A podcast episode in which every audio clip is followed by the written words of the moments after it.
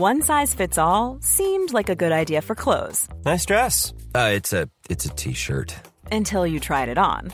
Same goes for your healthcare. That's why United Healthcare offers a variety of flexible, budget friendly coverage for medical, vision, dental, and more. So, whether you're between jobs, coming off a parent's plan, or even missed open enrollment, you can find the plan that fits you best. Find out more about United Healthcare coverage at uh1.com. That's uh1.com. There's never been a faster or easier way to start your weight loss journey than with PlushCare. PlushCare accepts most insurance plans and gives you online access to board-certified physicians who can prescribe FDA-approved weight loss medications like Wigovi and Zepbound for those who qualify. Take charge of your health and speak with a board-certified physician about a weight loss plan that's right for you. Get started today at plushcare.com slash weight loss. That's plushcare.com slash weight loss. plushcare.com slash weight loss. Millions of people have lost weight with personalized plans from Noom, like Evan, who can't stand salads and still lost 50 pounds. Salads, generally, for most people, are the easy button, right? For me, that wasn't an option. I never really was a salad guy. That's just not who I am. But Noom worked for me. Get your personalized plan today at Noom.com. Real Noom user compensated to provide their story.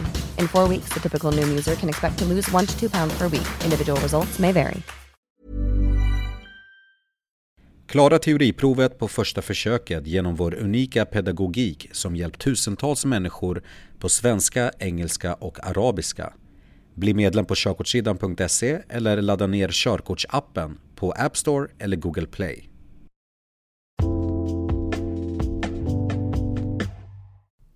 Trötthet. En aspekt som många underskattar när de ska ut i trafiken är trötthet. Kör du trött i trafiken är du en stor säkerhetsrisk och en direkt livsfara.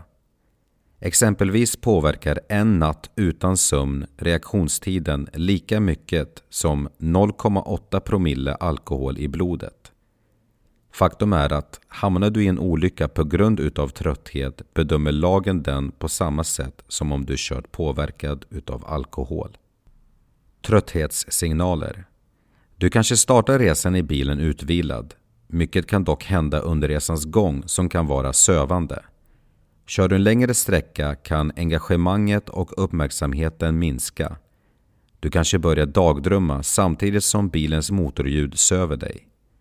Koncentrationen sjunker och du ökar volymen på musiken och kanske öppnar fönstret för att få kall och frisk luft.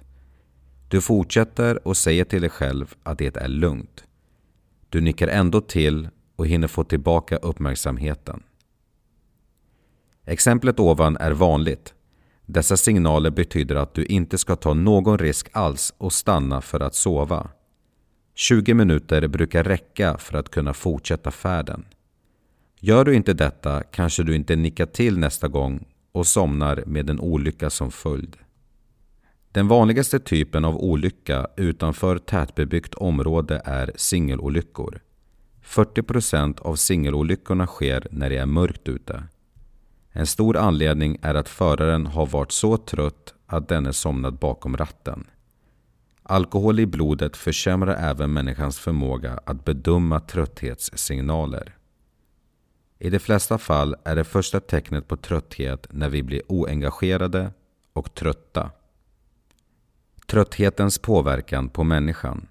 Trötthet har många likheter med alkohols påverkan på människan. Trötthet påverkar följande saker negativt. Koncentrationen, beslutsförmågan, koordinationen, reaktionsförmågan och uppfattningsförmågan. Mikrosömn Mikrosömn inträffar när du tappar koncentrationen eller somnar utan att du märker det. Detta kan inträffa under bara några tiondelar men som kan få förödande konsekvenser om det händer vid fel tillfälle. Mikrosömn kan hända dig när som helst, vilken tid som helst och var som helst som en följd av trötthet. Undvik trötthet. Kör utvilad. Respektera trötthetssignaler. Sänk värmen i bilen. Korta körpass. Ta en paus efter max en och en halv timmes körning. Ät inte tung mat. Trötthet och statistik. Olyckor där trötthet är orsaken sker oftast mellan 02.00 och 05.00.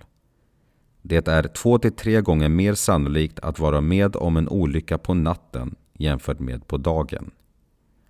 En majoritet av olyckorna sker när du nästan är framme. En majoritet av trötthetsolyckor sker av unga män. Och 40% av alla singelolyckor sker när det är mörkt ute. Bra jobbat, nu vet du lite mer om trötthet. Nu ska vi gå vidare till det näst sista kapitlet i den här boken och det är synen.